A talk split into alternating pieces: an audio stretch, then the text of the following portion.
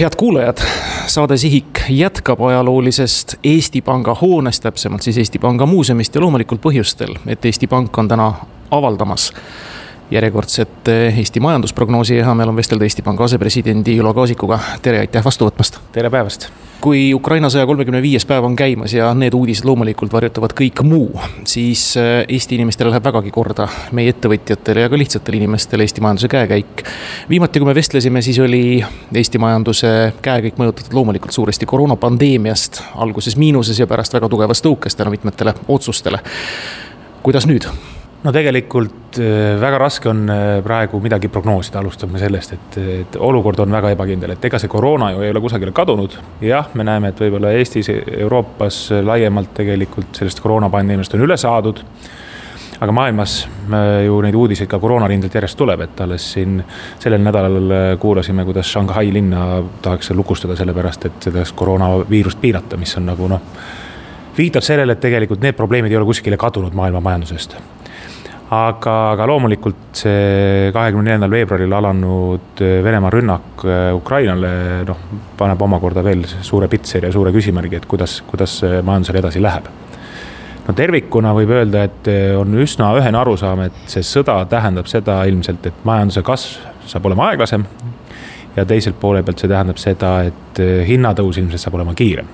Ehk et eh, mõlemad on tegelikult küllaltki halvad uudised, aga nüüd, kui palju see, seda on eh, keerulisem hinnata, sellepärast et eks siin võib ju igaüks teha erinevaid stsenaariumeid, kui kaua see sõda kestab, kas ta eskaleerub või ta hakkab nagu maha rahunema ja nii edasi ja nii edasi. Aga tervikuna noh, meie hinnangul praegu me näeme, et Eesti majanduses ilmselt käesoleval aastal kasvu ei ole või tuleb isegi kerge langus aga samal ajal sissetulekud kasvavad jätkuvalt kiiresti käibed ettevõtetel kasvavad kiiresti, sellepärast et inflatsioon on väga kõrge. ehk et me näeme küll seda, et eurodes mõõdetud sissetulekud kasvavad seal märkimisväärselt, aga kuna inflatsioon on veel kiirem, siis tegelikult nagu seda ostujõudu on vähem seega siis olgem valmis majanduslanguseks ja hinnatõusuks, samal ajal noh, ma tahaks näha seda inimest, kes julgeb endale palka juurde küsida, mis te prognoosite siis, mis saab olema siin keskmine palk eh, lähemas perspektiivis? No tööturu olukord tegelikult, eh, kui me sisenesime sellesse sõjaolukorda, siis eh, tegelikult Eesti oli noh, pigem sellises ülekuumenemise faasis juba. kus eh, kõik, kes soovisid tööd leida, leidsid, kus palgad kasvasid tegelikult majanduses keskeltläbi väga-väga kiiresti ja nüüd see sõda nüüd mõnevõrra võib-olla jahutab seda olukorda, aga tegelikult see on jätkuvalt on olukord tööturul tundub olema hea. inimestel on kerge tööd leida võib-olla mõnevõrra tööotsijaid on rohkem, ka nagu põgenike seast, aga, aga ka võib-olla ettevõtted, kes nagu otseselt äri ajavad Venemaa poolega.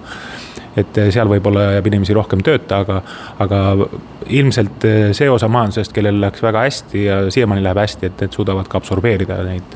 inim-, inimesi tööle võtta et aga palgakasv ilmselt jääb tugevaks, me arvame, et isegi circa kaheksa protsendine palgakasv ka käesoleval aastal siiski jätkub, sellepärast et see kõrge inflatsioon paratamatult ju sunnib inimesi ka või, või noh. soosib seda, et inimesed sooviksid ka, et nende sissetulekud kiiremini kasvaks, muidu nende ostujõud lihtsalt eh, kahaneks veel kiiremini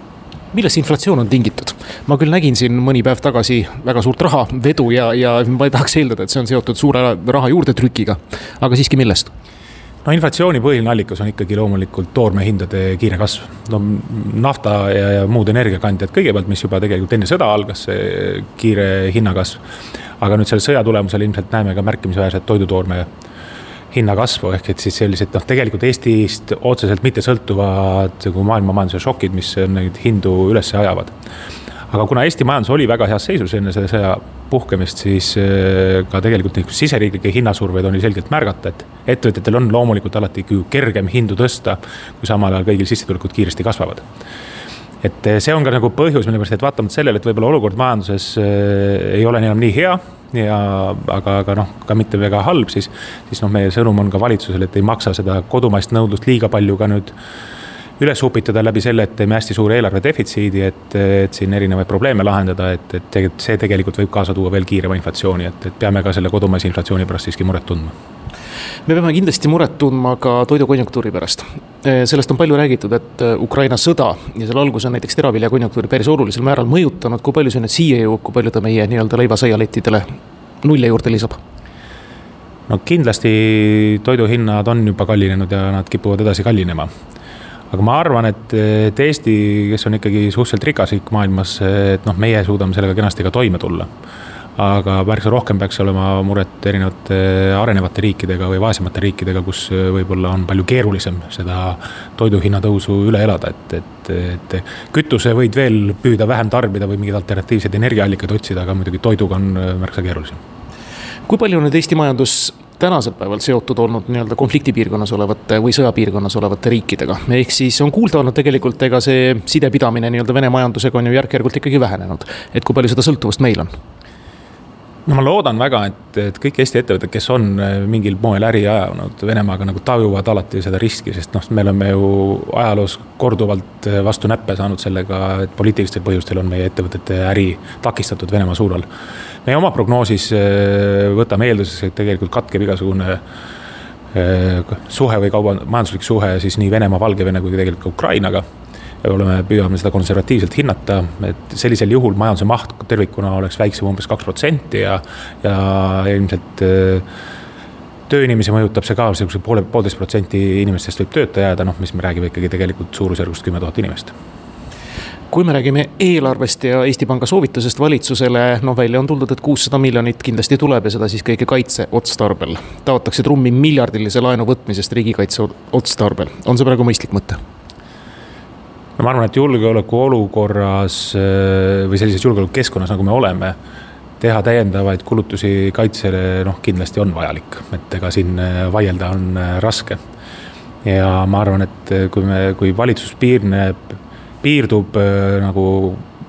lisakulutustega, mis on just seotud julgeolekuolukorraga, mis on seotud põgenike olukorraga, et siis, siis, siis ei tohiks ka väga palju probleeme võib-olla majandusele tekitada, sest noh, mitmed need äh, julgeolekukulutused või sõja, sõjaväe tehtud kulutused ju tegelikult on äh, ka noh, imporditav kaup, mis otseselt Eesti majandust ei tohiks nagu täiendavalt üle kuumendada. aga noh, tervikuna muidugi me peaksime vaatama seda, et need, et kui me tahame nagu püsivalt kulutusi tõsta, siis noh, peaks ka valitsus leidma mingisuguseid tulusid, et, et mille arvelt neid pikas perspektiivis katta, et me noh, võime nagu ühekordsete investeeringutega küll mõelda, et võtame laenu ja katame laenu arvelt. aga noh, me ei saa püsivalt seda tegema jääda aastate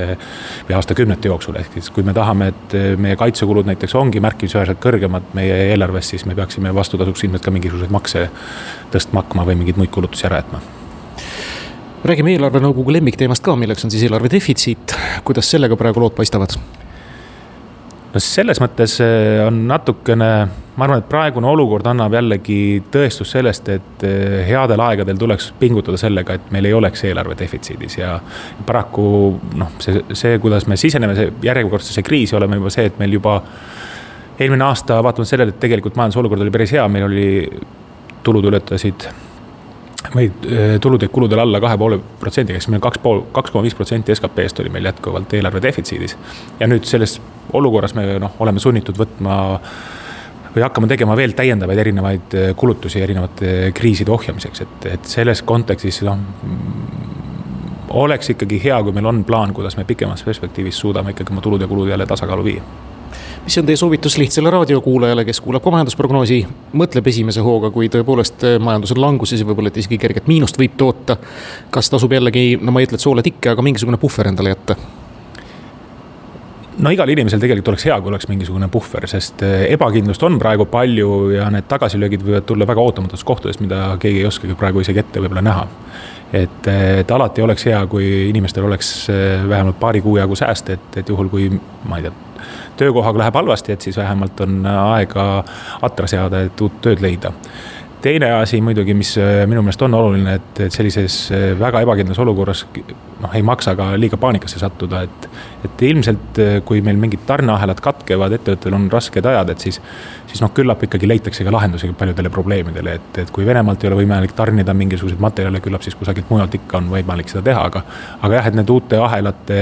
paika loksumine, see võib võtta veel mõne kuu aega, et, et selles mõttes, et tasub ka kannatust varuda, et ja mitte kohe meelt heita. Pikka meelt ja mõistlikult säästa, aitäh teile, Ülo Kaasik, Eesti Panga asepresident